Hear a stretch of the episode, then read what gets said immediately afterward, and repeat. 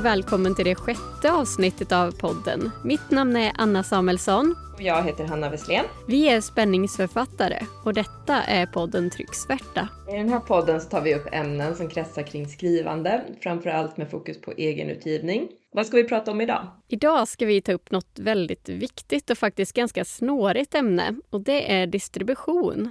Just det, för det är ju en sak att skriva en bok men sen ska den ju ut till läsare också och det är inte helt självklart vilka vägar man kan gå för att den ska hamna där. Precis, och detta var ett av de områden som både du och jag fick läsa in oss på när vi skulle ge ut våra respektive debutromaner. Eller hur Hanna? Ja men så är det.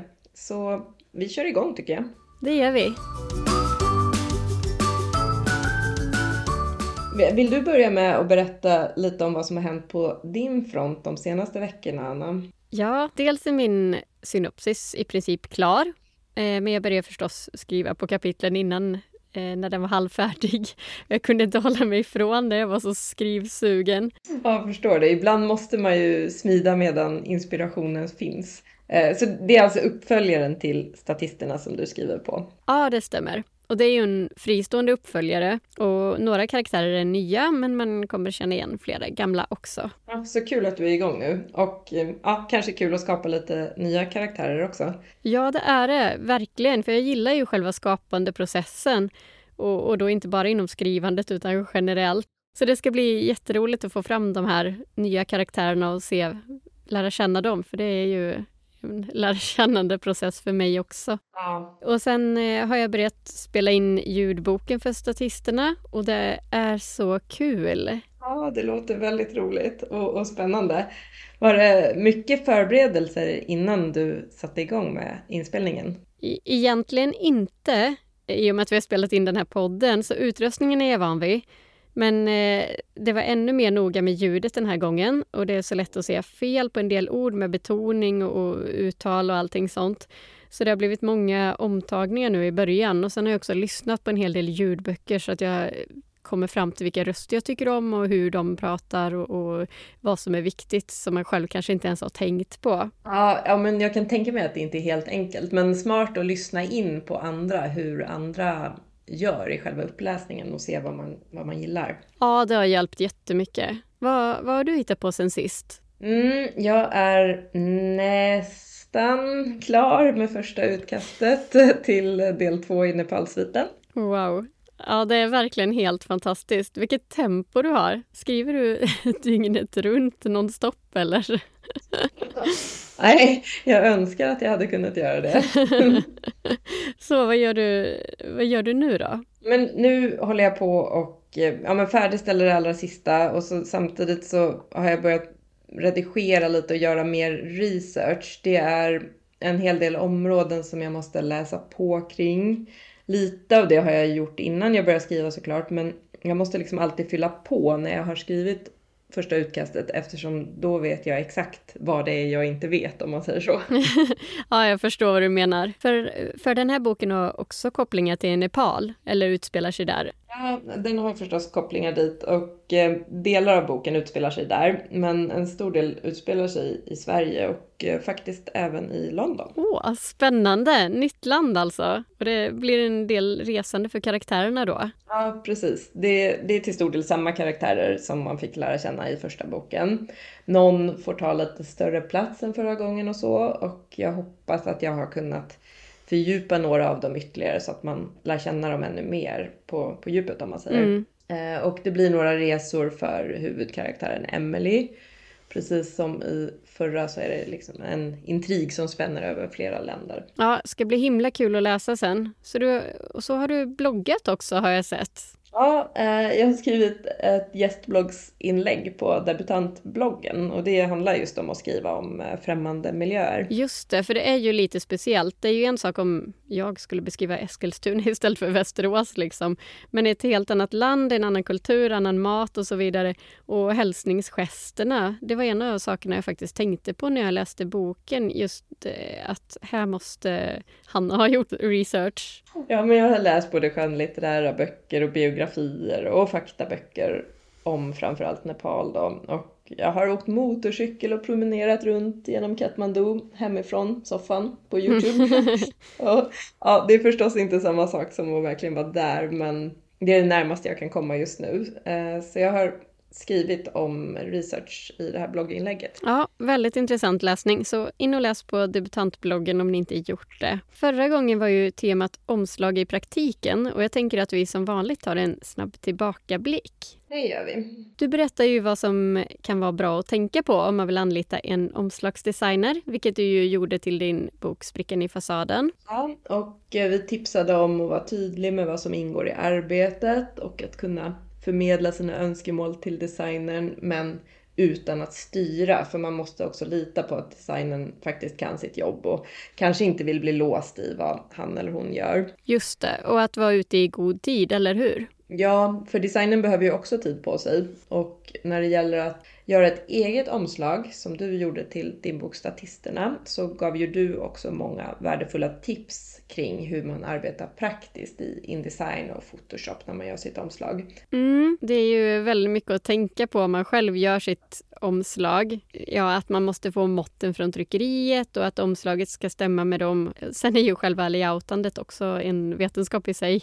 Ja, verkligen. Så lyssna gärna på förra avsnittet om du missade det, speciellt om du behöver idéer kring att göra ditt eget omslag eller anlita en omslagsdesigner. Mm, men eh, nu drar vi igång med veckans tema. Ja. Den här gången ska vi prata om distribution, för det är ju också något man behöver ha koll på som egenutgivare. Hur boken ska distribueras och nå läsare. Ja, det var faktiskt en sån sak som jag undrade över på ett tidigt stadium innan jag hade någon bok klar överhuvudtaget. Trots att det var långt kvar så ville jag ändå veta hur det egentligen gick till. Och eftersom jag lyssnar mycket på utländska poddar till en början så var det mycket fokus på Amazon, som är det största sättet att distribuera sin bok i den engelsktalande världen. Men det är ju inte en stor distributionskanal i Sverige. Nej. Så hur gör man då? Ja, vi ska försöka bena ut det på en ganska grundläggande nivå. Du som lyssnar får gärna kommentera eller fråga om det är något du tycker att vi missar. Men för det första kan vi dela upp distributionen av de olika formaten. E-bok, ljudbok och tryckt bok. Just det, det finns lite olika vägar att gå för att distribuera de olika formaten. Mm, det gör det. Ska vi börja med den tryckta boken? Hur har du gjort där? Jag kan börja med att säga att både du och jag valde att trycka en upplaga med böcker. Mm. Men det, var inte, det är inte självklart att man ska göra det. Print on demand kan också vara ett bra alternativ och då hänger distributionen ofta med på köpet om man säger så. Mm. Anledningen att vi båda valde att trycka upplaga istället, åtminstone tror jag att det var bådas anledning, mm. det var ju att tryckkostnaden per bok blir så otroligt mycket lägre. Mm, så är det ju. Sen om vi kommer till själva distributionen så har jag valt dels att ta hem några böcker och sälja själv från min webbsida. Ja, och det med ett beställningsformulär. Det stämmer. Men den största delen av böckerna har jag hos en distributör som heter Stjärndistribution. Mm. Och vi ska väl berätta att det finns flera att välja på där. Ja men så är det ju. Eh, förlagssystem heter ju en av de andra stora och så finns det ju ytterligare aktörer också förstås. Och att finnas hos en distributör det innebär ju att man kan sälja till nätbokhandeln och andra bokhandlar på ett smidigt och enkelt sätt. Och de tar ju hand om allt sånt mot en provision då. Ja, det är ju faktiskt väldigt skönt. Ja, och jag tycker inte att det är orimligt dyrt eller så, utan det är hanterbart och möjliggör för en betydligt större spridning av boken. Det finns också många olika slags avtal och man får kolla då vilket som passar en själv bäst. Mm. Det som jag tyckte var bra när man är ny författare och kanske inte säljer jättestora mängder åt gången, det är ju att inte ha någon månadsavgift utan istället en högre procentsats i provision till distributören. Och det beror ju på hur många olika titlar man har, om man är ett större förlag eller egenutgivare och Även hur många titlar man säljer per månad och så vidare. Just det. Och hur hamnar boken sen på till exempel Bokus, Adlibris och de andra onlinehandlarna? Ja, men för att boken ska dyka upp i nätbokhandeln så måste den vara registrerad i något som heter Bokinfo. Och för mig så har distributören tagit hand om det. Så jag har bara behövt fylla i informationen om boken på ett ställe och sen har det exporterats till bok, äh, Bokinfo. ja, det är ju smidigt. Och när det gäller ändringar och sånt fyller man alltså i det skärmdistributionsportal, om man nu har dem som distributör, istället för direkt i Bokinfo. Mm. Och vi kanske ska förklara vad Bokinfo är också, för det är ju inte så lätt om man aldrig har använt det. Nej. Det är alltså en online som behövs för att återförsäljare och bibliotekstjänst med mera ska kunna hitta din bok. Och där registreras till exempel vilket ISBN boken har, vilket format, antal sidor och vilken typ av bok det är. Till exempel deckare eller poesi eller vad det kan vara. Ja men det är bra, bra med förtydligande där. Sen så finns det ju många som är intresserade av att nå ut med den fysiska boken även till bokhandlare. Och där har ju du lyckats väldigt bra Anna med statisterna. Vill du berätta lite om det? ja, eh, den finns ju i butik, det gör den. Inte i så många butiker som jag skulle önska förstås, men ändå. Och de butiker som jag ändå tycker är viktigast för just min bok, där finns de. Och det, det har varit väldigt roligt att de har tagit in dem. Ja, men det förstår jag. Och statisterna utspelar sig ju i Sala och Västerås. Så den första butiken som jag som tog in den, det var Evelöfs bokhandel i Sala. Vilket var jätteroligt, för det är ju ändå den butik där jag själv alltid handlade när jag bodde i Sala och tycker väldigt mycket om. För både butiken och personalen är så himla trevlig. Ja. Och på Evelöfs har jag också signerat vid ett par tillfällen och det är, ju, det är jättekul och det säljs många böcker just i Sala och jag tror att många tycker det är roligt med just lokala böcker. Man känner igen miljöerna och så. Ja, men det tror jag också. Det är alltid kul att läsa böcker som utspelar sig där man känner igen miljön. Så mm, är det ju. Mm, mm. Ja, så roligt att du har varit på flera signeringar där också. Mm, verkligen. Och de har ju också lyft fram den och skrivit små skyltar, deckare från Sala, personalens tips och sånt här. Ja, Visst, visst, var det så att den var högst upp på topplistan där också? Ja, precis. Jag vet inte hur det ser ut nu, men eh, runt jul där så, ja, längs ena väggen har de en topplista över sålda böcker och, och det var otroligt kul bara att den kom in där överhuvudtaget. Men sen hamnade den plötsligt på första plats där eh, runt jul någon gång och det var jättekul. Så overkligt. Jag förstår det. Det är ju fantastiskt kul. Ja, för det var ju liksom Kepler och Smirnoff och andra väldigt stora författare på listan och så min lilla bok högst upp där. det, ja, det känns konstigt och jättekul. Och sen tog eh, Akademibokhandeln i Västerås eh, också in boken. Ja, men vad roligt att de också nappade på den. Ja, och de gör ju centrala inköp, men de enskilda butikerna kan välja att ändå ta in vissa böcker som inte köps in centralt.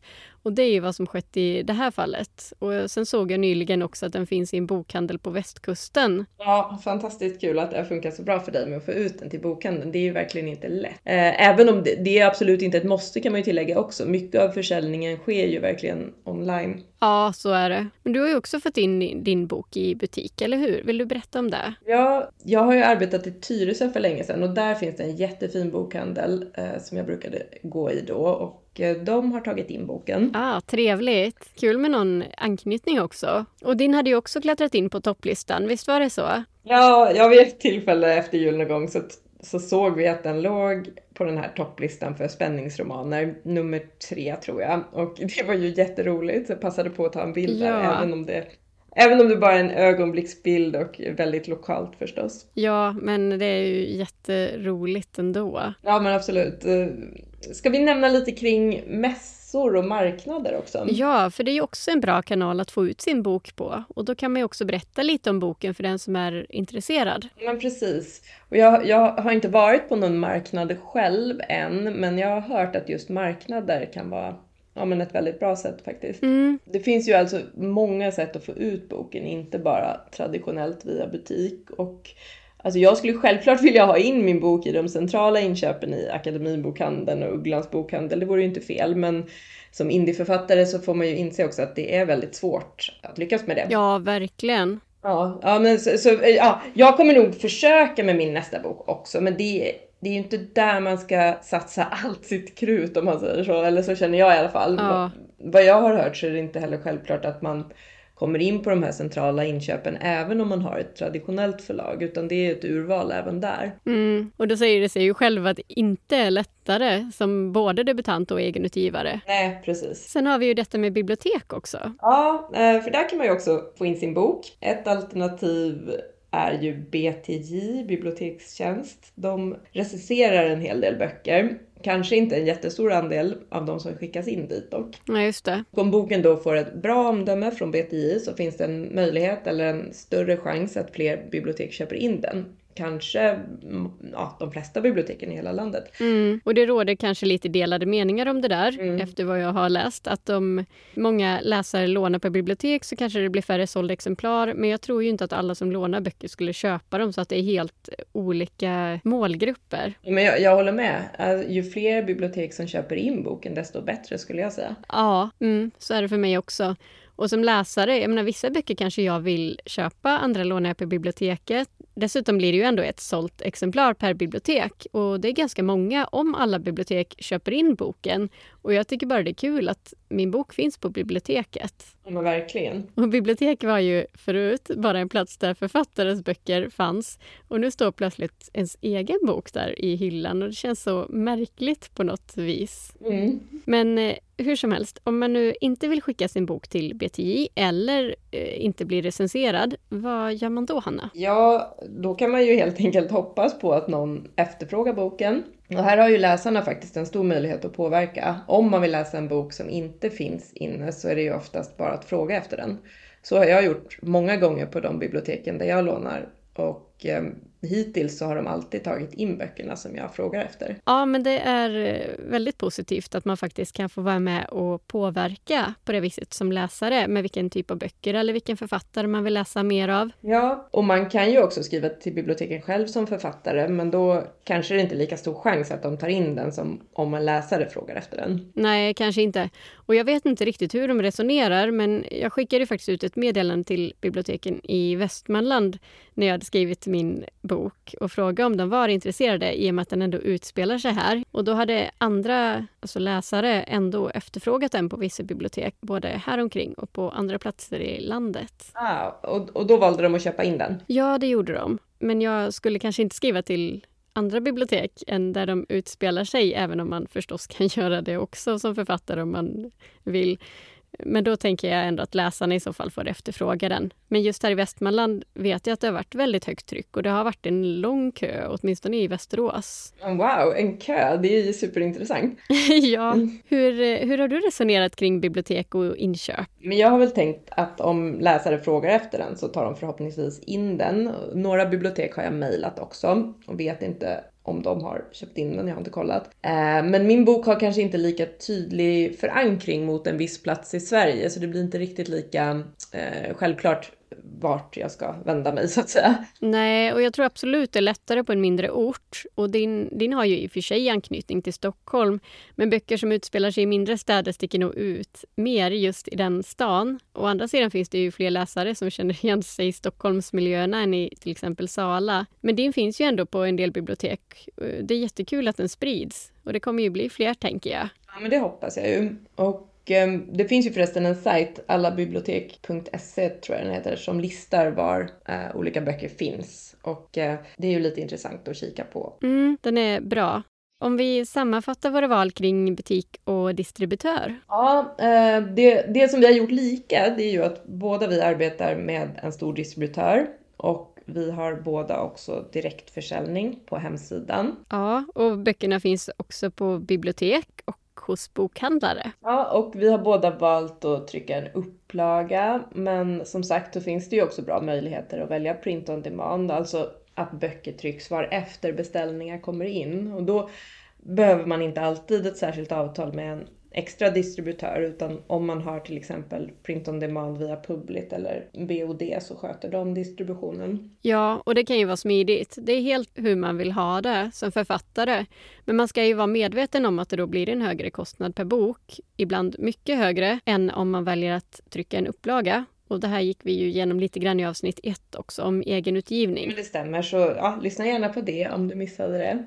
Men hur är det med e-böcker då, om vi går in på det Anna? Jo, e-böcker funkar ju på ett lite annat sätt. För att kunna sälja e-böcker så måste man skapa boken i så kallat EPUB-form och eh, det går att göra på flera sätt, ganska enkelt själv eller så kan man göra på det mer komplicerade sättet som jag gjorde. Men eh, det går också att betala några tusen lappar för hjälp om man inte vill eller kan eller har tid att göra detta. Precis, så det finns många olika valmöjligheter där. Mm. Och i ett senare avsnitt ska vi gå igenom hur man kan skapa själva e-boken. Så nu tar vi alltså bara distributionsdelen. E-boken går ju till exempel att sälja själv via hemsidan. Ja, och där har vi ju båda lagt in våra webbutiker eller länkar till dem på hemsidan. Ja, precis. Vill du berätta lite om hur du gjort? Ja, eh, jag gjorde ju klart e-boken strax efter den tryckta boken. Det var innan jul precis. Ja, du var verkligen snabb med det där.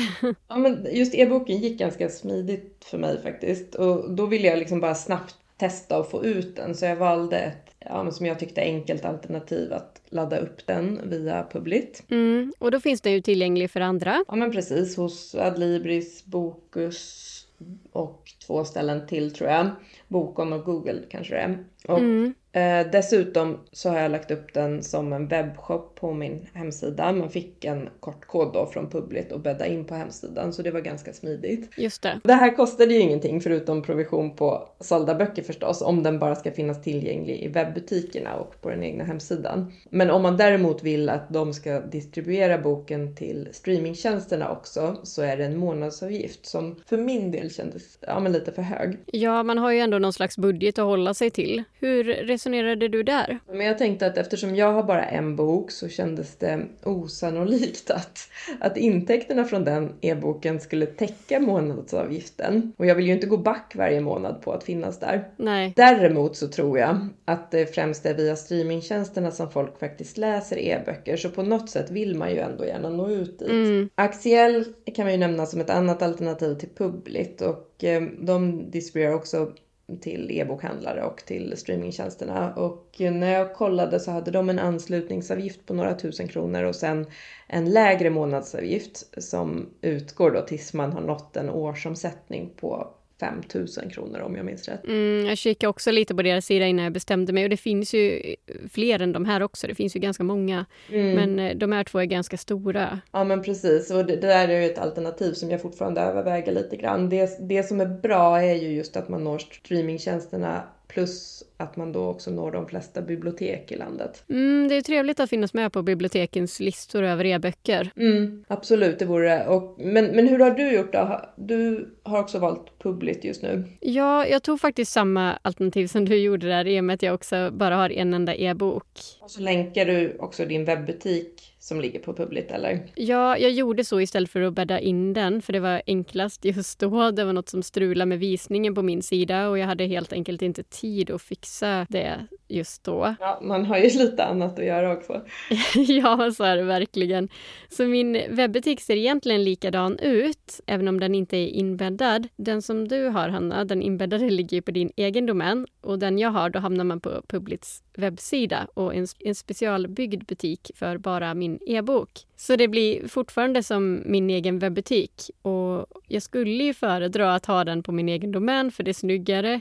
Men jag har helt enkelt inte hunnit prioritera det, så det får bli en senare fråga. Ja, men just det. Och det är nog smart att se till så att den även finns i nätbokhandeln och på streamingtjänsterna. Ja, det är ju en fördel att sprida den så mycket som möjligt. Mm, det är ju det. Och sen vill inte alla streamingtjänster teckna avtal med småförlag, som till exempel om man är en egenutgivare, utan man måste då gå via en distributör som till exempel Publit eller XL om man ska nå alla streamingtjänster. Men eh, man får kolla vad som gäller när det är dags, för villkor förändras ju hela tiden. Ja, och det finns ju egentligen ingen anledning som jag ser att inte ha en e-bok tillgänglig. Produktionskostnaden är ju väldigt låg och Därmed så tycker jag också att man kan ha lägre priser på e-boken. Mm, mm. Det finns ju de som menar att e-bok kannibaliserar på försäljningen av den tryckta boken, men Personligen så tror jag inte att det är så i någon större utsträckning. Jag tror mer att det möjliggör för fler läsare att hitta boken. Ja, men jag håller helt med. Vissa läser ju bara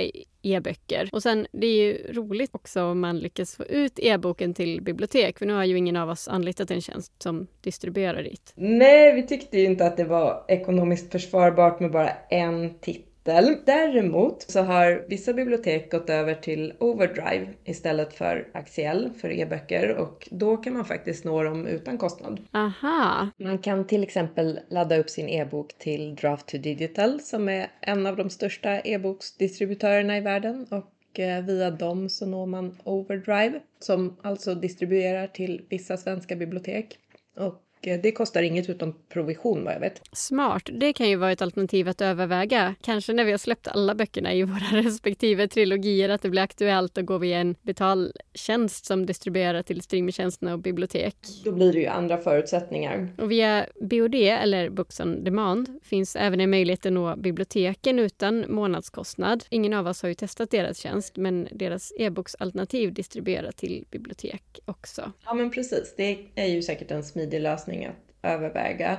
Och om man har fler böcker än en så är det ju betydligt lättare att gå plus även om det är en månadsavgift. Mm. Sen så måste man ju verkligen läsa avtalen för vissa distributionstjänster eller hybridförlag kräver ju exklusiv rätt på distributionen och i så fall så kan man alltså inte anlita eller signa upp för två olika företag samtidigt. Eh, ett annat alternativ som vi kan nämna eh, är ju Digibook. Eh, de distribuerar även till streamingtjänsterna såg jag för bara 299 kronor i en engångsavgift. Ah. Det tyckte jag lät ganska prisvärt eller vad man ska säga. Men det visade sig dock att om man använder dem, då kan man inte använda sina egna ISBN-koder utan då måste man tilldelas en av deras ISBN. Och jag vill använda mina egna ISBN så det föll på det för min del. Men om man inte tycker att det är viktigt så är det ju definitivt något att kolla in tror jag. Jag håller med. Och vi har ju inte haft avsnittet än som behandlar bland annat ISBN. Men att ha sina egna nummer innebär att man själv står som utgivare istället för att en utgivningstjänst står som utgivare. Ja, för det är ju tveksamt hur man gör då om man ändrar sig sen och inte vill distribuera därigenom i ett senare skede. Får man, får man ens ha två identiska e-böcker med olika ISBN? Jag vet inte faktiskt. Det är en bra fråga. Men eh, om man inte är så noga med det där, då är det som sagt ett alternativ. Mm. Så för att sammanfatta lite hur vi har löst e-boksdelen. Vi har båda valt kommissionsavtalet hos Publit då förtjänsten av sålda e-böcker när man är debutant och bara har en titel kanske inte normalt sett är så hög. Nej, och det är ju väldigt svårt att veta hur mycket man ska satsa. Det gäller ju allting. Ja, och så har vi också skrivit direktavtal med eh, en streamingtjänst och eh, undersöker möjligheten att skriva, att skriva avtal med flera. Precis, eller hitta andra sätt att nå dem utan en fast månadsavgift. Mm. Sen har vi ju det här med ljudbok och nu kommer ju du och jag, Hanna, inte att göra likadant där. Och det är lite kul, annars har vi oberoende av varandra gjort ganska lika val i övrigt. Faktiskt. Men när det gäller ljudboken är ju din bok Sprickan i fasaden släppt på traditionellt förlag och då hamnar den automatiskt i alla säljkanaler. Ja, där är inte jag delaktig i distributionsval och sånt. Det är ju väldigt smidigt. Mm, absolut. Hur kommer du göra med din då? Ja, jag har ju avtal med en streamingtjänst och planerar skriva med åtminstone ytterligare en. Ja, just det. Och då får du ut den samma väg som din e-bok egentligen. Ja, för streaming får jag ju det. Och när det gäller att sälja, via, sälja ljudboken via Adlibris, Bokus och Akademibokhandeln och, och fler onlinebokhandlare har jag faktiskt inte kommit så långt än i planerna. En väldigt stor distributör för ljudböcker är ju Find Away Voices som köptes av Spotify förra året. Ja, om jag skulle distribuera ljudbok så skulle jag nog gå via dem tror jag. Möjligen så kan man behöva komplettera med någon mer kanal. Jag är inte säker på att de når alla de svenska butikerna för jag, jag har inte testat själv. Ja, det är bra tips. Ja, enligt hemsidan så har de samarbete eller distribution då till Storytel, Nextory, Axiell, Spotify förstås, Google Bokus etc. Så jag skulle nästan tro att man når de flesta via dem i alla fall. Ja, det ska jag absolut kolla upp närmare. Kanske är det någon, som, någon lyssnare som har testat det och som vill berätta. Ja, men det vore väldigt intressant att höra om. Mm. Och när vi ändå pratar om distribution så kanske vi kan säga något om hur vi har hanterat de tryckta böcker som vi distribuerar själva också. Ja, men just det, för man vet ju inte hur många exemplar av en bok är rimligt att ta hem. 50, 200, 600, 2000? Ja, det är verkligen svårt att veta. Hur mycket lagring vill man betala för hos distributionsföretaget? För det man kanske inte inser är att det tar ganska mycket plats att ha ett par hundra böcker hemma. Ja, det är tungt också. Mm. Men när man har klurat ut hur många böcker man får plats med hemma och sen fått hem böckerna och ska skicka ut dem, då är det ju också dags för signering. Vad har du för tankar kring det? Eh, när jag satt där med min första bok i handen och skulle signera så slog det mig, vad ska jag skriva egentligen förutom min egen namnteckning? Sen satt jag och övade på ett papper för jag var så nervös för att skriva fel. Ja, det var samma här faktiskt. Jag var tvungen att leta bland böcker jag har som någon har signerat för att se hur och vad man skulle skriva. Va, vad skrev du då? Jag hade ju en ruta i beställningsformuläret där man kunde fylla i om man önskade någon särskild signering eh, eller inte ville ha någon alls av någon anledning. Men eh, om det var tomt i den rutan, då var det svårare. Ja, vad gjorde du då? då? Ja, ibland blir det något allmänt. Typ, hoppas du får en trevlig lässtund och gillar boken eller något sånt. Eh, ibland något personligt om jag visste att den var beställd till en, till en särskild person och eh, om det var någon jag kände som hade beställt eller åtminstone var bekant med, då kunde jag ändå skriva och fråga. Mm, just det. Men hur gick eh, du tillväga med signeringen? Ja, när jag satt där med, med första, med alla förhandsbeställningarna så insåg jag att jag borde ha frågat bättre till läsarna vad de ville att det skulle stå. Och jag blev osäker och tänkte att eh, om jag inte vet så kan det ju vara så att de ska ge bort boken eller så och då blir det inte så bra om det står fel namn. Så när jag är osäker så skriver jag inte namnet utan då skriver jag mer något bara i stil med jag önskar dig en trevlig läsning eller någonting sånt. Ja, en sån hälsning funkar ju alltid och om man inte har någon signerad bok i bokhyllan och inte vet vad man ska skriva kan man helt enkelt söka på taggen boksignering eller signering eller liknande på Insta eller googla och då dyker det upp lite inspiration. Och jag vet förresten inte om det är självklart på vilken av bokens sidor man signerar. Nej, det är det nog inte. Men vi båda signerade väl på den första sidan direkt efter insidan av permen. Alltså den, den här tomma sidan som kallas eh, smutssida på inbundna böcker. Ja, precis. Sen har jag sett att andra ibland signerar på titelsidan så där gör man nog lite som man vill tror jag. Mm. Eh, men om vi går vidare till att skicka vidare böckerna då till läsarna. Hur förpackade du dina och hur skickades de? Det finns ju ett antal olika för företag som man kan beställa kartongerna ifrån men i och med att jag skulle skicka fler än en bok i vissa paket behövde jag kartonger som var anpassningsbara på höjden. Ja just det, för det såg du ju direkt när beställningarna kom igång, hur många varje person hade beställt. Ja, så var det. I det bokformatet jag hade fanns inte särskilt många kartonger att välja på. Det är ändå ett vanligt bokformat, så det borde funnits det. Mm. Och, men det slutade i en förpackning som visade sig funka för en till fyra böcker. Och det var precis det intervallet beställningarna låg i också. Och sen skickade jag dem med Postnord. Mm, just det. Hur gjorde du? Ja, men samma här. Jag tog också Postnord, skicka lätt eller vad det nu heter. Och jag trodde det skulle bli billigare om man blev avtalskund eller något, men när jag letade där i december på deras hemsida så verkade det vara väldigt stora kvantiteter som krävdes för att få ner priset. Eh, så jag räknade då med ordinarie prislista. Mm. Eh, jag fick ju slut på förpackningar också, så några böcker skickade jag i de där blå förfrankerade påsarna, medium storlek. Jag tror de kostade 62 kronor. Mm. Och ibland beställde jag skicka lätt och hade ett eget vadderat kuvert då. Och för de som hade beställt två böcker eller fler så hade jag en, en bra kartong som passade. Ja, som du beställde också då. Precis. De där blåa påsarna nämnde du ju och jag tyckte det var svårt att veta vilka som var bäst och stöttåligast, vilken typ av förpackning. Ja, jag tänkte också på det utan att komma fram till något svar egentligen. Men jag har inte fått någon reklamation på skadad bok än så jag gissar att det har funkat bra som som det har varit. Samma här. Men visst hade du, något, men visst hade du sett något nytt om det här med frakt? Ja, eh, precis nyligen så fick jag ett tips i en Facebookgrupp av Sten Rosendahl att det faktiskt går att få billigare frakt som företagskund med businessportal eller vad det heter hos Postnord. Och då kostar det bara 40 kronor ifall vikten är max 500 gram. Ja, ah, det där kände inte jag till förrän du berättade heller. Och jag hade ju varit där inne och letat förut men inte hittat varken priser eller hittat rätt plats. Nej, alltså det var, det var ett riktigt härke rent ut sagt att hitta rätt på deras hemsida och jag snurrade runt säkert tio varv innan jag lyckades få till det. Och sen så visade det sig nu också att man måste kryssa i att man vill ha e-faktura och jag är säker på att jag gjorde det. Men eh, häromdagen så fick jag ändå hem en faktura med posten och då var det 100 kronor i fakturaavgift. Ja, vad drygt. Ja, så att nu har jag precis lyckats korrigera det och även det var ju sjukt svårt att hitta. Jag var tvungen att mejla kundservice och få en länk skickad till mig hur man kunde anmäla det här med e-faktura. Så det, det, är inte lätt att hitta rätt där om man säger så. Nej, det känns som att det kanske behövs lite mer utveckling eller guider på hemsidan.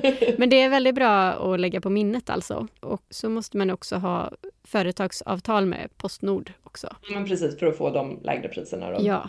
Förresten, visst hade du portofritt om man beställde din bok och, och bodde i närområdet? Ja, faktiskt. I början där vid förhandsbeställningarna hade jag det. Och då skrev jag portofritt inom Västerås och Sala. För då var det ganska många inom samma område, eller jag förväntade mig att det skulle, skulle vara det i alla fall, och det var det. Ja, så då kunde du åka runt och leverera böckerna? Precis, och det var kul för mig också, för eh, av de som förhandsbeställde var det ju en del som jag antingen kände eller kände till och några av det här hade jag inte träffat på ganska länge. Så det blev flera trevliga återseenden när jag levererade böckerna. Så det var jätteroligt verkligen. Ja, men det kan jag tänka mig. Sen hade väl både du och jag rabatt på frakten eller billigare för bok nummer två. Ja, men just det. Det finns ju många sätt att lösa det där om man vill rabattera för de läsare som vill ha fler böcker eller ge bort den eller så. Jag, jag har faktiskt valt att ha portokostnad inkluderad för min bok eftersom jag själv avskyr att betala för frakt när jag köper något. Det är så här psykologiskt jobbigt på något sätt och då, då betalar jag hellre mer för själva varan. Mm, ja, men det ligger mycket i det. Och samma här när jag tänker efter, i, i vart fall om frakten är oskäligt dyr. Ska vi nämna något om att göra boken tillgänglig utomlands också? Ja, eh, det är något som i alla fall jag håller på och undersöker. Jag kommer troligtvis ganska snart att lägga upp boken på Amazon och eh, KDP Print, vilket är Amazons print on demand. Och även Ingram Sparks som blir print on demand på motsvarande sätt för andra nätbokhandlar än Amazon då, utomlands. Det här har jag ingen som helst koll på, så det är kul att du satte in i det. Vad innebär det? Det innebär ju att till exempel svenskar som bor utomlands lätt kan köpa boken, både som tryckt bok och som e-bok. Och det kanske inte är en jättestor efterfrågan, men å andra sidan så kostar det nästan ingenting att låta den vara tillgänglig på det sättet också. Det är smart. Det är egentligen ganska lite jobb.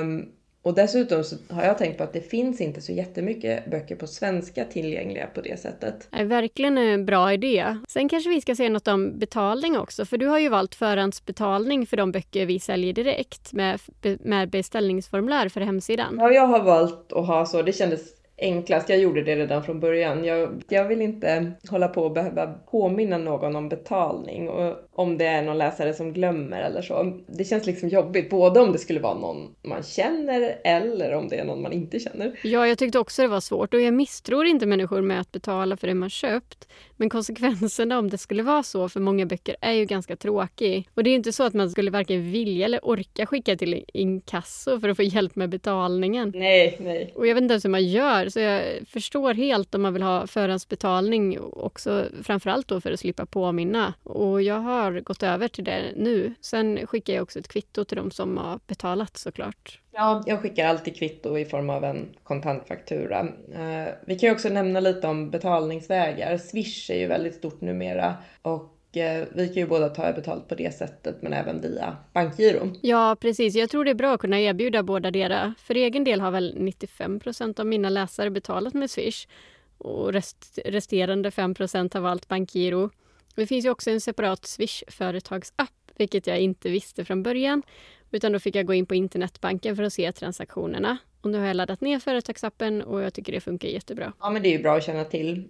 Och man bör alltså inte låta folk swisha till ens privata swishnummer utan det är bättre att skaffa företags-swish. Och det är också bra att kolla om ens bank kan erbjuda swish till företagskunder eller inte. För alla banker kan faktiskt inte det, fick jag själv erfara. Ja, det är ju lite surt, i synnerhet när man kommer på det lite för sent och är mitt uppe i distributionsprocessen. Ja, men precis. och, och, även då om Swish ingår i bankens företagspaket eller om det tillkommer extra kostnad för det, för det är också lite olika, eller vilken lösning som som man nu väljer då. Ja, minst det. Sen pratade vi lite om webbutiker tidigare och vi har ju med oss en gäst idag som också har skapat en webbutik där de säljer både den tryckta boken och e-boken. Ja, det ska bli väldigt spännande. Idag har vi Molly Eriksson med oss som gäst i podden. Molly är aktuell med debutromanen Kaninhjärta som är den första delen i fantasyserien Skaldesånger från Vindheim. Välkommen till podden Molly. Tack så jättemycket. Vill du börja med att säga några ord om dig själv och varför du började skriva? Absolut. Ehm, jag heter Molly, jag är 28 år och eh, jag jobbar som spelutvecklare jag eh, driver en egen spelstudio tillsammans med min sambo Axel. Just det. Och eh, vi, ja, vi har jobbat tillsammans i fem år nu. Och eh, ja, det började egentligen med att jag hade liksom en, en idé för ett spel som jag verkligen ville göra, vilket var ett hästspel, för jag är så här, riktig hästnörd. så Ah. att eh, vi, ja, vi, vi driver den studion. Vi, vi har släppt vårt eh, lilla hästspel nu i somras och eh, jobbar på för fullt med det. Så det är superspännande. Vad spännande. Ja, jag såg lite om det. Det verkar gått väldigt bra för det spelet också om jag, om jag ja, förstod men rätt. det, det har faktiskt gått väldigt bra. Det visar sig att det, så här, det, fann, det var många fler än jag som ville ha ett hästspel. Jag tror att det har varit en lite så här, eh, en målgrupp som har varit lite förbisedd, liksom, för det finns inte så där supermycket just i den nischen. Så att eh, de här eh, hästälskarna, ja, de har varit riktigt glada att liksom, få ett nytt spel att spela. Ja, gud vad roligt. Ja, och sen, sen har du valt att skriva fantasy också parallellt med det då?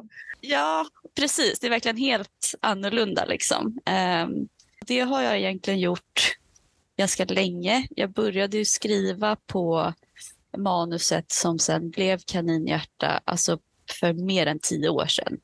Typ när jag Wow, var ja. 16, att jag började, jag började skriva på den här lilla historien. Ehm, Ja.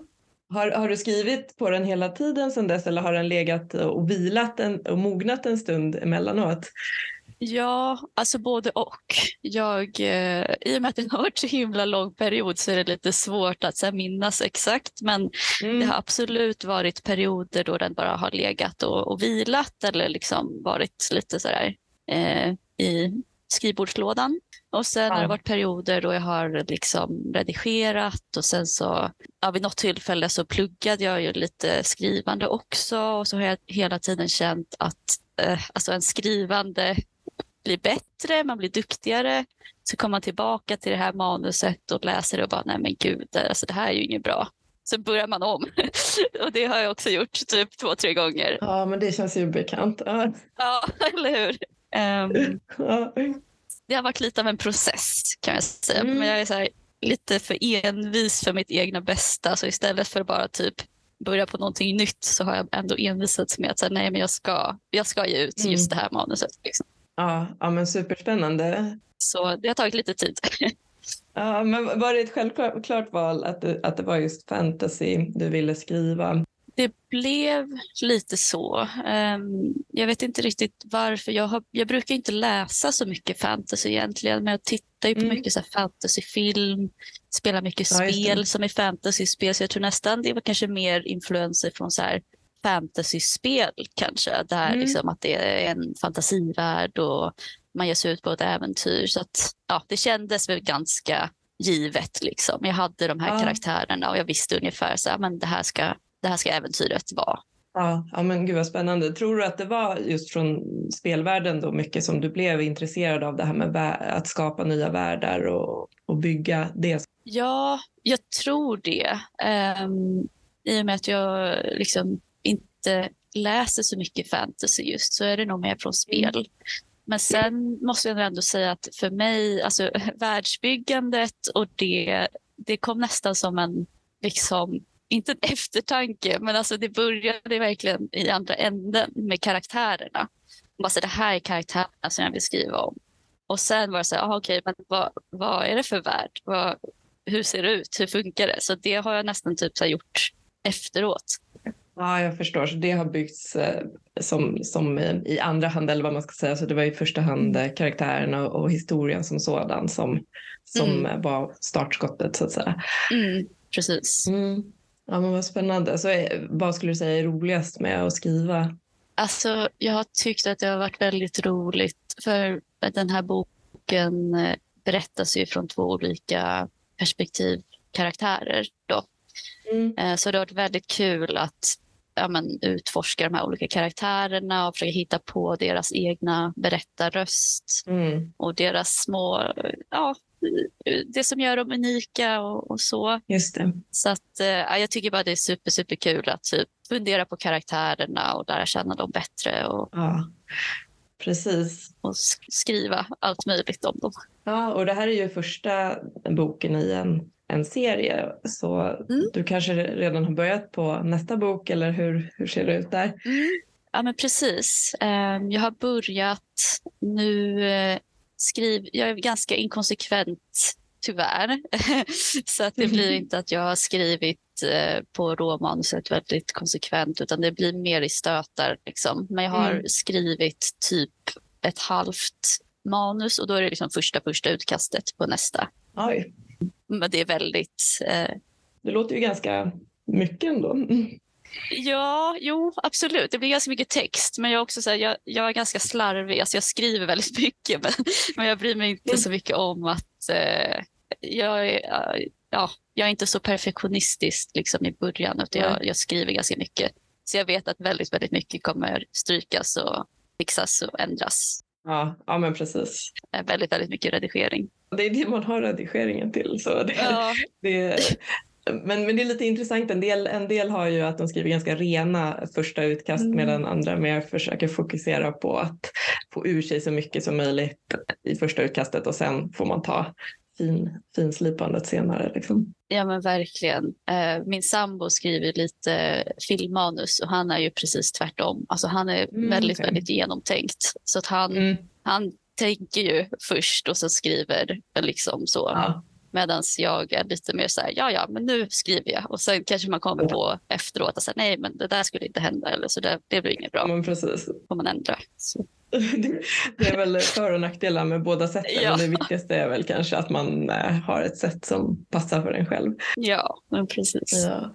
Ska vi komma in lite på dagens tema då, kring distribution? Och om jag förstår mm. rätt så din bok Kaninhjärta ges ut av eh, ditt förlag Rabbit Publishing. Mm, precis. Mm. Eh, och då är vi lite nyfikna på att höra mer om hur du har gått tillväga för att distribuera boken och få ut den så mm. brett som möjligt. Absolut. Så jag startade då mitt lilla förlag förra året mm. och eh, så har jag valt då att dels distribuera den med eh, stjärndistribution som min distributör och mm. dels distribuera själv via en egen webbshop. Just det. Eh, så att det är egentligen de två kanalerna. Ja men spännande och då kan vi säga för lyssnarna då eh, om man inte vet vad stjärndistribution är så är det en av de, en av de större distributörerna i Sverige som i sin tur eh, låter boken finnas tillgänglig för webbshoppar och även bokhandlar och sånt kan beställa därifrån, eller hur? Precis. Mm. Så att eh, ja, det har funkat väldigt bra. Alltså, ja. Fördelen med att ha en distributör är just att de, som du säger, de kan göra den tillgänglig för alla bokhandlarna. Mm. Um, sköter ju all fakturering och, och lagerhållning och så, mm. uh, vilket är superbra. Så de tar hand om allt sånt och så samtidigt så beställer jag hem då och då, då så jag har ett litet, uh, ett litet lager hemma. Ja. Och uh, så säljer jag ju då dem via min egna webbshop. Just det. Jag var faktiskt inne på din webbshop eh, nu precis innan vi skulle prata och då såg jag att det stod att den var tillfälligt eh, slut. Så det måste ju ha eh, gått bra där med försäljningen tänker jag. ja men precis. Jag, ja. jag använder ju en tjänst, eller ett tryckeri mm. slash tjänst som heter Bookbook Box. Eh, jag vet inte om du känner till dem, men det är ett lasertryck. Du, du får jättegärna berätta lite mer om hur, hur det upplägget funkar. Ja, ehm, så att de har ju eh, alltså ett samarbete med stjärndistribution. Mm. Och det var lite också anledningen till att jag, eh, jag valde stjärndistribution. Förutom att jag tyckte att de har ett ganska bra avtal när man är nystartad och liten mm, så betalar man ju ingenting upfront utan bara en provision, vilket passade mig. Men Bookbox då då, de eh, trycker ju bara 20 böcker åt gången. Mm. Så de tycker ju väldigt små upplagor. Eh, mm. Skickar dem till stjärndistribution och trycker upp nya eh, så fort ja, det börjar ta slut. Så då behöver man inte liksom, mm. ligga ute med så mycket pengar. Jag visste I början så visste jag inte, så här, kommer någon köpa boken? Jag vet inte, ingen aning. Jag vill inte ha hundra böcker och inte sälja. Ja, men precis. Det är ju sånt man inte vet. Liksom. Så det var ändå, det kändes väldigt bra alltså just när allting var så himla nytt för mig och jag ja. hade ingen aning. Så att, eh, jag tänkte att ja, men det här blir bra. 20 böcker, det är ju liksom inte, det är inte så mycket pengar. Eh, så att, eh, Exakt. Ja. ja, men spännande. Det är, därför de, det är därför också lagret tar slut ganska ofta. Och det låter kanske lite bättre med det bara de här 20 böckerna. Ja.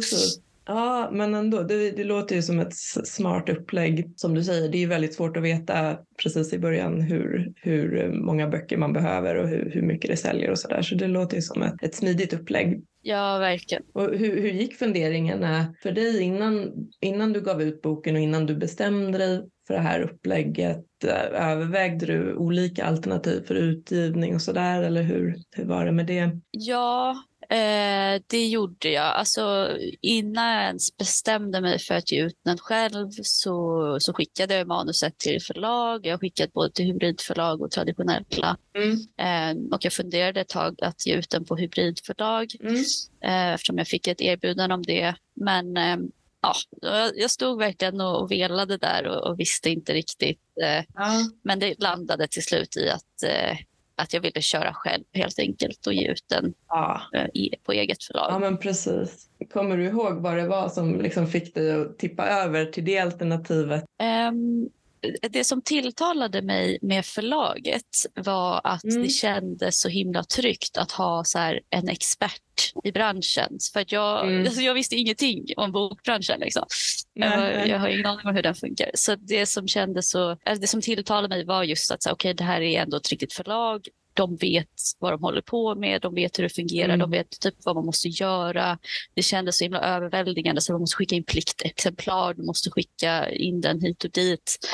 Uh, jag bara tyckte att så här, gud, det är så mycket att hålla reda på. Mm. Men till slut, typ, när jag verkligen så började göra lite research och bara så okej, okay, vad, vad betyder det egentligen? Så kände mm. jag att okej, okay, alltså man kan ändå göra det själv. Liksom. Det är ja. inte omöjligt. Ja, och det, ja, det, det, var lite mer överväldigande än det faktiskt var i slutändan. Så att jag kände att mm, mm. det, det, är inte så himla liksom, läskigt eller nej, nej. omöjligt. Liksom. Och sen också den ekonomiska biten. att eh, det kostar ju ändå en slant att ge ut på hybridförlag. Och, eh, ja, jag kände att det kanske inte kändes rimligt. Jag kommer inte ihåg hur stor upplaga de tryckte upp, men det kanske var typ 100 böcker eller något sånt. Mm, mm. Eh, så får man ju lite marknadsföringspaket och det kändes också lite tunt, för då var det typ så här, ja men din bok kan finnas liksom i förlagets webbshop och lite sådär. Jag bara, mm. ja, men hur många går in och köper böcker där egentligen? Det kändes inte så värt helt enkelt. Ja, men det, det är smart att göra en utvärdering och fundera igenom. Liksom, det kan ju passa jättebra för någon som inte har tid att lägga så mycket tid på det till exempel medans, mm. Eh, medans för dig så landade du i ett annat alternativ. Så det, jag tror det, det viktiga är väl att liksom fundera igenom upplägget. Ja men verkligen och liksom bara ja. ta sig tiden att samla informationen eh, så att man kan ja, fatta rätt beslut. Ja, tyckte du det var lätt eller svårt att hitta information om, om eh, bokutgivning och hur man skulle gå tillväga? Alltså, ja, eh, det var lite småknepigt just eftersom det är ju väldigt specifika grejer med så svensk mm. bokutgivning. Så du måste liksom skicka pliktexemplar. Men eh, det, det, finns en del bra bloggar och det finns, eh, eh jag läste någon bok av Kristina Svensson tror jag att det är. Ja. Som jag tror att liksom lite den syfte var att så här, eh, sammanfatta i princip det mesta som man behövde göra. Och då kände jag att så, ja. men okej, det här det är nog jag har någorlunda koll på läget.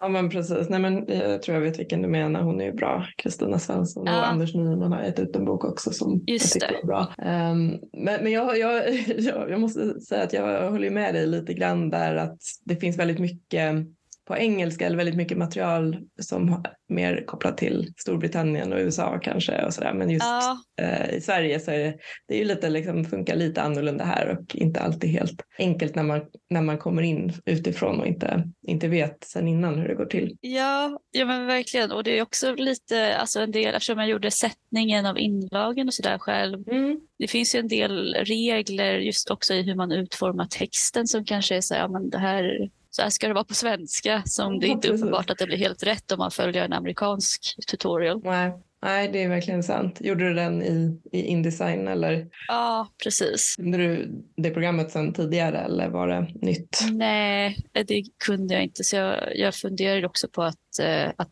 ja, köpa in eller alltså att låta någon annan göra sättningen. Mm. Men det var också så Alltså jag, jag, läste mig till att de flesta, eh, alltså för jag är med i många Facebookgrupper för egenutgivare och då var det ändå ja. många som skrev att så här, men, sättningen kan man ändå nog göra själv om man har lite tålamod typ och, och, eh, och Indesign. Så jag provade att göra själv och jag tyckte ändå att det, det funkade ganska bra. Ja, men vad spännande. Och det, du har ju fler böcker på gång också så då man lär sig en gång och sen så blir det lite lättare nästa gång kanske.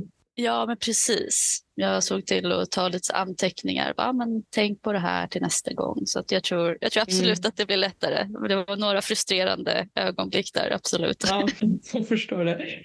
Um, men du nämnde ju, du har ju en hemsida med webbutik också som du nämnde. Vill du berätta lite mer om den? Absolut. Eh, så dels har jag en hemsida för själva boken och där har jag då en länk till eh, webbshoppen som egentligen bara är en enda sida.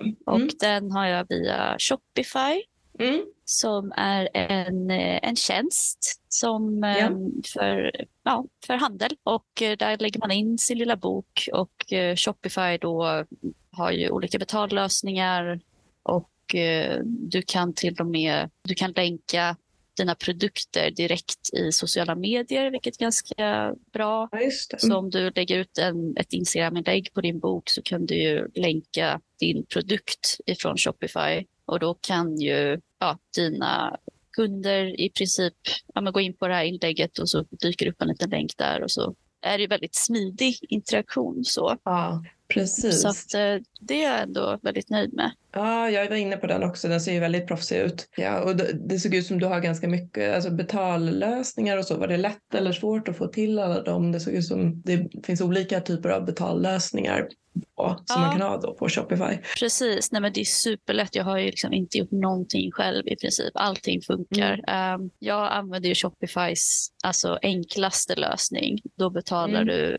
5 dollar ungefär i månaden. Ja, det. Och då får du ju um, de, de fixar ju allting med betallösningar. Så då är det ju liksom betalkort och Paypal, Klarna. Ja, Klarna till och med. Um, ja, precis. Och det har ju, kan jag också se på ordrarna att de allra flesta använder ju Klarna. Mm. Så det är superbra att, att ja, men det är väldigt det vanligt i Sverige. Ja, precis. Så det är superbra. Men det var verkligen jätte, jätteenkelt att sätta upp. Så att om man är intresserad kan jag verkligen rekommendera att man, att man provar det. För att det är verkligen ja ja, man behöver inga förkunskaper. Det hade inte jag verkligen. Så att, eh, det var väldigt, väldigt enkelt. Det var spännande. Nej, det var det jag tänkte fråga. Jag tänkte om, om du håller på med spelutveckling och så kanske du är jätteduktig på, på sådana saker. Men, ja, nej, nej, verkligen inte. men eh, du tror att de flesta kan, kan klara det då? Ja, nej men verkligen. För det är verkligen superanvändarvänligt. Du, ja, du registrerar en produkt och, och laddar upp lite bild, någon bild och skriver skriver i priser och sådär. Så att, eh, och sen mm. allting ja, fixar sig själv eh, i princip. Så det, det är supersmidigt. Så jag vet ju att eh, vissa kör ju bara, alltså istället för en webbshop kanske man bara har eh, ja, att folk betalar en själv via Swish och så. Och det funkar ju också. Mm. Mm. Men det här är verkligen väldigt enkelt. Och jag tror ja. fördelen också att du får en väldigt bra översikt på alla ordrar. Och mm. Du har ju liksom alla kontaktuppgifter och leveransadress och så där samlas där på ett väldigt smidigt sätt. Precis. Mm. Och sen om man tänker i ett lite långa loppet så kanske om man har bara en bok och så där kanske det funkar bra att bara ha något, något, ett formulär eller något på hemsidan. Mm. Men om man tänker sig att man skulle ha flera böcker eller flera produkter och så där så kan ju det vara en mer en långsiktigare lösning kanske. Mm, ja, verkligen. Mm. Hur, hur, är det med format? Är det den, du har den tryckta boken där i webbutiken. Har du en e-bok eller något sånt också? Eller? Just nu så har jag bara en tryckt bok. Um, mm. Så att det är bara den jag säljer där. Ja. Uh, sen så håller vi på att spela in ljudbok också. Får se när den blir klar. Ah, det tar lite tid. Ja, vad spännande.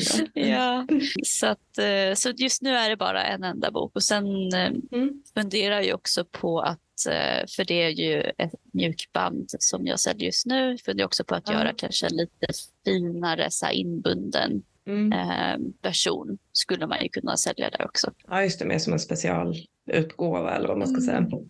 Ja, men mm. precis. Ja, men spännande. Men hur, hur lång tid tog det ungefär att sätta upp den här webbutiken? Gick det ganska snabbt då? Ja, alltså det gick, eh, det gick väldigt snabbt. Det var nog klart mm. på, på en sittning.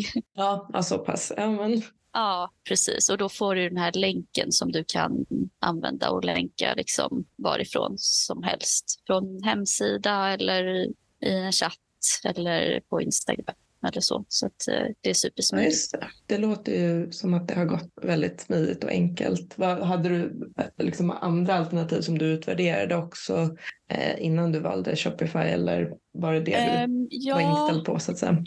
Jag var ganska inställd på Shopify. Jag hade fått det rekommenderat men jag mm. kikade också på, för jag använde Squarespace för hemsidan. Mm, okay. De har ju också en eh, integrerad webbshop-funktion.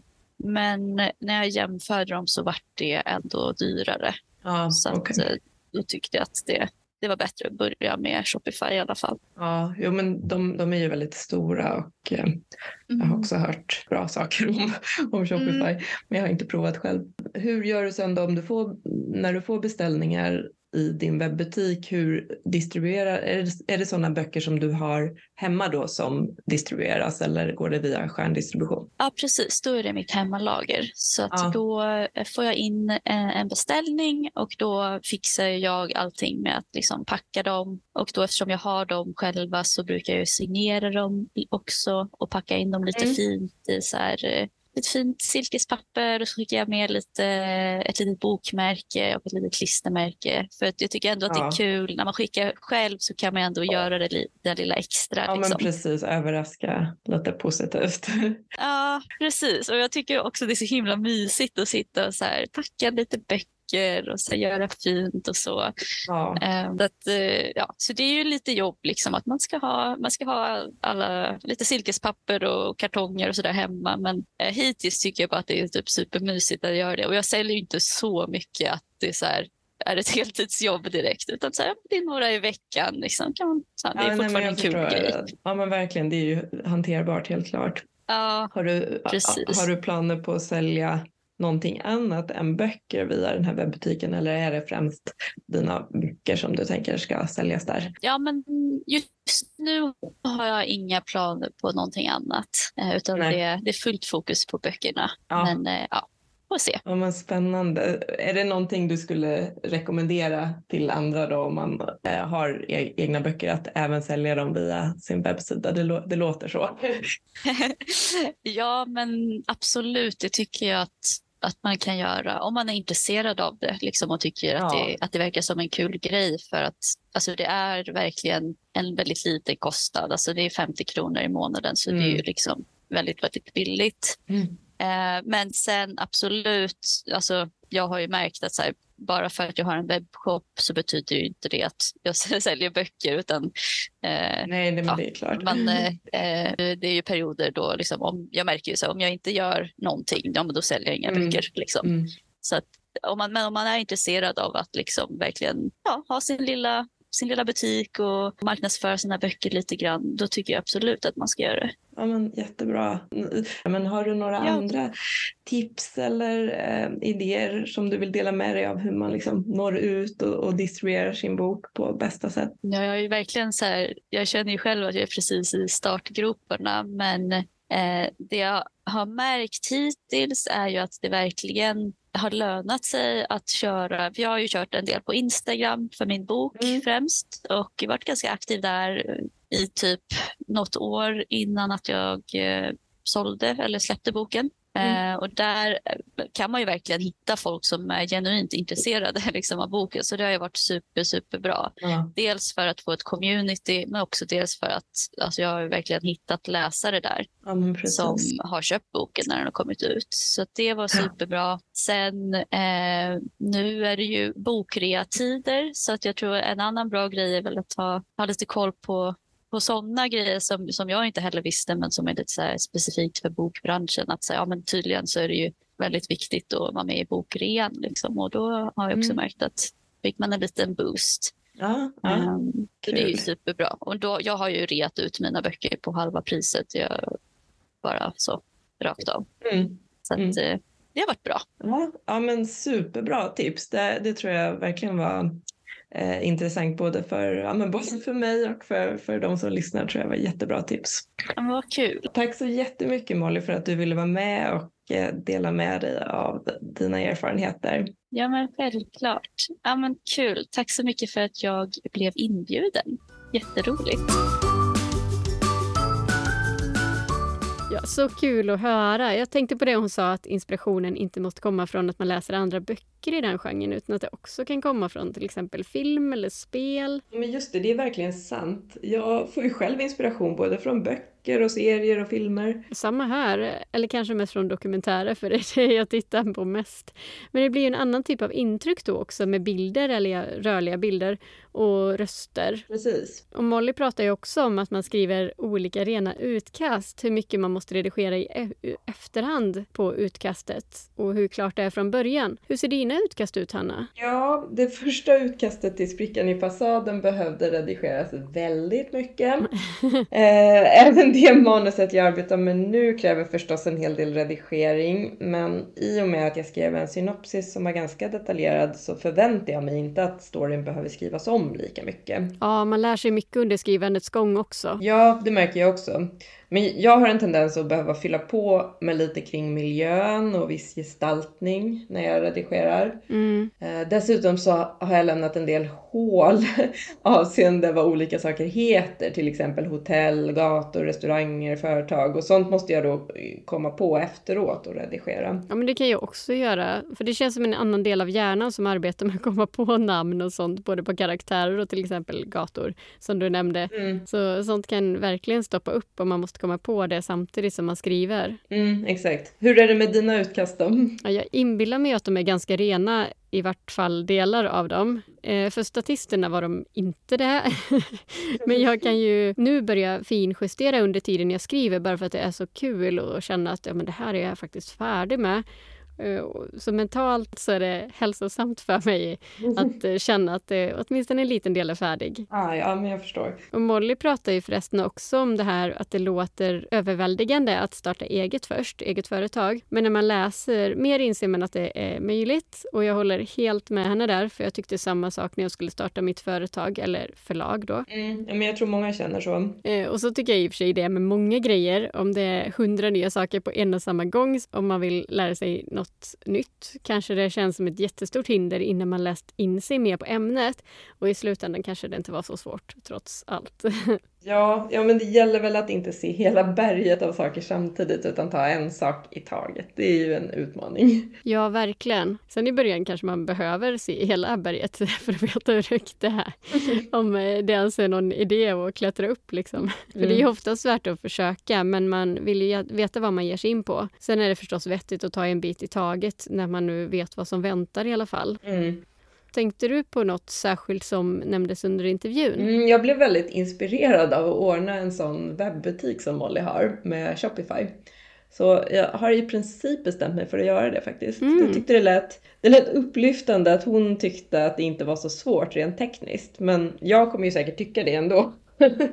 Nej, det tror jag inte. Men vad spännande! Ja, ja men det, det ska bli kul att ta tag i. Och, um, och sen funderade jag också på den här lösningen som hon har med Bookbox. Det är nog någonting som jag ska undersöka och utvärdera lite senare. Det kostar ju ändå en del att trycka upp en hel upplaga som vi båda har gjort. Även om man kanske långsiktigt tjänar på det så är det ju en del pengar att ligga ute med. Ja, för Bookbox och säkert andra liknande tjänster är något emellan att trycka upp en stor upplaga och POD, print on demand. Så det är ju bra att det finns något mellanting. Ja, precis. Nu har inte jag kollat eh, så noga på det, men jag inbillar mig att tryckkostnaden per bok då hamnar någonstans mittemellan print on demand-priser och eh, upplagepriser. Jag kikar faktiskt på det och jämförde nu strax innan. Även om papperstyp och så vidare inte blir exakt som på det tryckeri som jag använde, men så lika som möjligt. Och där är ju kostnaden, precis som du säger, någonstans mellan upplaga och eh, print on demand. Mm, ja, men intressant. Mm, och nu är det nog dags att sammanfatta lite. Eller vad säger du? Ja, men det gör vi. Vad är ditt bästa tips när det gäller distribution, Hanna? Ja, jag tror att mitt bästa tips kring det när man är helt ny och inte har någon färdig bok än, det är väl att inte oroa sig över hur det ska fungera och om det kommer vara svårt och sådär. Jag tycker ändå det har fungerat smidigt och det finns många nya sätt, eller det finns många sätt att distribuera sin bok nu för tiden. Så skulle jag också rekommendera att tänka ganska brett och överväga flera olika sätt. Eh, till exempel att både ha direktförsäljning och distributör. Mm, det är bra inspel. Och ju fler kanaler boken görs tillgänglig på, desto bättre. Åtminstone om det är till en rimlig kostnad. Ja, precis. Vad är ditt bästa tips då när det gäller distribution? Det är nog att beställa kartonger i god tid och provpacka innan man får hem sina böcker, om man nu väljer det alternativet. Man eh, bör också ha tejp hemma, för det gick åt orimliga mängder förpackningstejp till alla kartonger när jag höll på. ja, gud, du hade ju så många förhandsbeställningar också. Ja, det är ju jätteroligt. Men det, ja, det gick åt mycket, mycket kartonger, mycket tejp.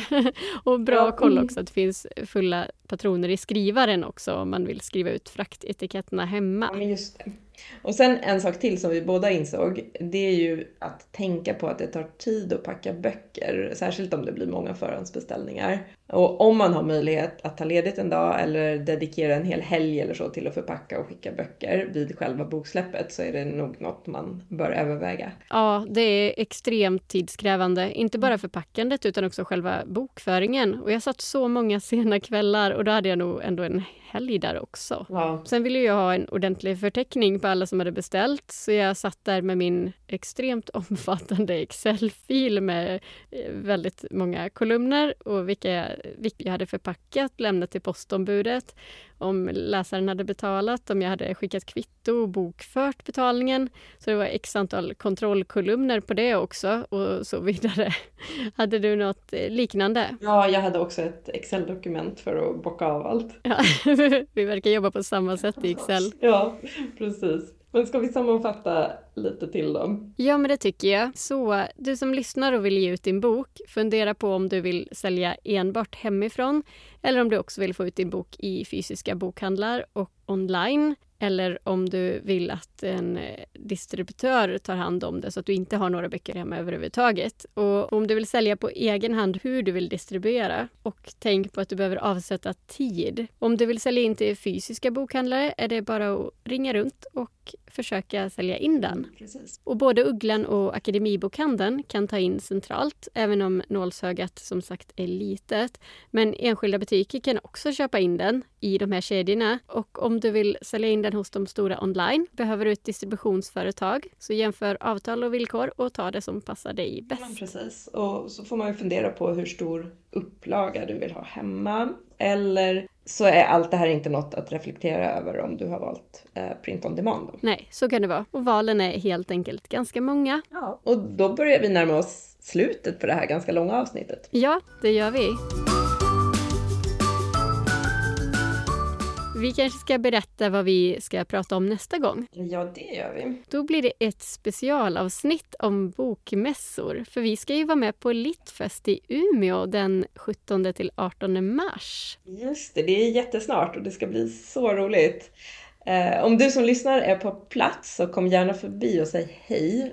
Eh, vi kommer också ha en stund på scenen, lilla scenen tror jag, där vi berättar om vårt skrivande och om podden. Ja, och om du undrar över något som vi pratar om idag eller kanske har frågor så får du gärna skriva till oss på podden trycksvarta.gmail.com eller på Instagram där vi också heter podden trycksvarta. Gör gärna det. Och, om, och du är anonym, om du inte uttryckligen säger att det är okej att vi läser upp ditt namn. Hoppas att eh, du som lyssnat nu har fått med dig många tips kring distribution av din egen bok. Och eh, du har lyssnat på podden Trycksvärta med mig, Anna Samuelsson. Och mig, Hanna Wesslén. Vi hörs igen om två veckor. Ha det fint till dess.